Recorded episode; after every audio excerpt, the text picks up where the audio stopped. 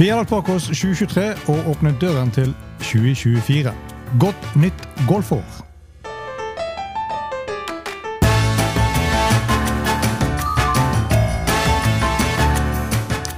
Hei, og velkommen til en ny episode av Golf on Plug, presentert av Turtech Golf. Og selv om de fleste av oss ruller rundt på sofaen verden over og beklager oss over altfor mye julemat og snop som man har stappet i seg de siste ukene, som gir symptomer i verste fylle angstskala, så er det på tide å komme seg i gang og få ristet av seg ribbefett igjen. For den mye omtalte tidsfristen 31.12.23, som skulle sette frem en skissert avtale mellom PGA, DP World og Liv, den ble ikke uventet utsatt til en foreløpig ikke annonsert dato. Og I kjølvannet Jon Ramsen exit til Liv så har flere PGA-profiler nå tatt til orde for dårlig lederskap for PGA-turens side i denne saken, deriblant vår egen Viktor Hovland. Som ga tydelig uttrykk for dette i en podkast nylig, hvor han sa at det må kunne sies at de har gjort en jævlig dårlig jobb i denne saken. Og det har jo media i golfverden for øvrig fått med seg og kastet seg over denne saken som sultne kribber.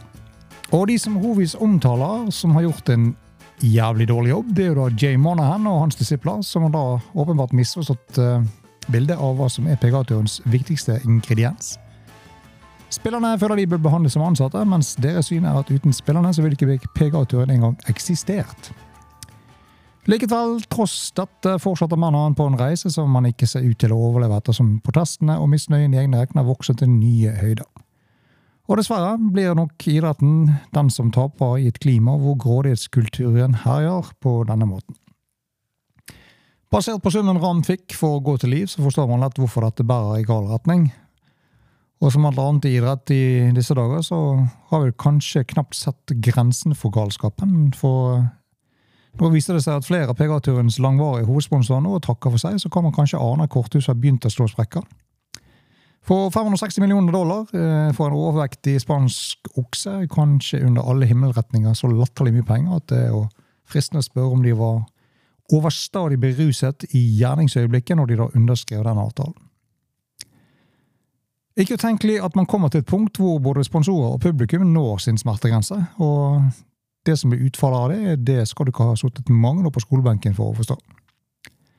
Så PGA-turen DP World og Liv Golfs fremtid den svever videre i det uvisse, og dess lengre tid dette kommer til å ta, så vil nok spekulasjoner om både sponsorer og spillerflukter komme til å prege nyhetsbildet enn så lenge. Når det nå står i januar på kalenderen, så vet jo alle golfelskere at det skjer andre ting også. Og kanskje noe av det mest spennende som kommer i de nærmeste ukene, det er jo da alle nyhetene som kommer på rekke og rad fra de ledende golfutstyrsprodusentene. Og den listen den er omfattende og lang. Det er ikke voldsomt masse er offentliggjort enda. Dog noe har lekket, og sist ute er jo da Titles sine Wookie-watcher. Der det kommet noen sneak peaks på SMT-modellene. Og de vil jo allerede være i bagen til flere av spillerne som spiller på Kapalua under ukens Century Tournament of Champions. Og ved første øyekast kan man ikke si at de kosmetiske forskjellene fra SM9-utgaven er påfallende. Men selvfølgelig, vi kommer tilbake med mer informasjon om dette når disse lanseringene blir offentliggjort. Og det er jo som alltid knyttet en del spenning til slipp av nye nyheter på utstyrssiden, så her er det bare å glede seg for alle golf nutheads der ute. Og En av de mest omtalte sakene i golf den siste tiden handler jo også nettopp om utstyr, og da nærmere bestemt golfballen. Og nyheten om at den da skal endres eller skrus tilbake for å få den til å gå kortere innen 2030. Og dette er jo opp og vedtatt, og egentlig en helt håpelig sak. Som eh, om noen verdens amatørgolfer kommer overhodet til å merke noen verdens ting? Neppe. Kan hende proffene mister noen yards her og der, uten at de kommer til å miste nattesøvn av den grunn, for de kommer nok finne andre steder å kompensere for akkurat det. For resten av eh, verdens eh, rekreasjonsgolfere så betyr det ikke noen verdens ting. Ettersom de fleste av de generelle rekreasjonsgolferne ikke klarer å slå flere identiske slag etter hverandre likevel, så er det jo litt vanskelig å kunne forutsi om en ball er annerledes enn en tidligere ball, osv. Man må jo tross alt ha et snev av ferdigheter for å kunne tilkjenne, tilkjennegi at det faktisk er en forskjell. Og den ene amatøren som ikke engang bryr seg om hvilken ball de drar opp av bagen på neste tid, og han er kanskje totalt ulik den de spilte på forrige hullet, og har ball overvintret i frost og tæle og kommer rett ut i bagen eller kommer fra en aske, det betyr jo egentlig ingenting. Og det jubles som kjent hver gang man har gått en hel runde på samme ball uten å tenke på at dette kanskje til og med knappe fire hull og noen og tyve slag, så er jo ballens egenskaper allerede endret grunnet at den er begynt å bli deformert. Så i hvilken grad kommer en endring av golfball til å påvirke ditt spill? Just saying. Og er du glad i bare klubbfitting, så kast deg på en ballfitting istedenfor. Vi garanterer at du kommer til å bli positivt overrasket og oppdage det at det er nye steder hvor du kan forbedre spillet ditt. Og like sikkert som når vi runder et nytt år, så er jo da PGA-turen i gang igjen. Og allerede på årets fjerde dag så stiller alle vinnerne fra PGA-turen kalenderår 2023 opp på Hawaii for The Century Tournament of Champions på Plantation Course på Kapalua. Som er da en signature-event med en pørs på totalt 20 millioner dollar, hvor 3 millioner går til vinneren, samt 700 FedEx Cup-poeng.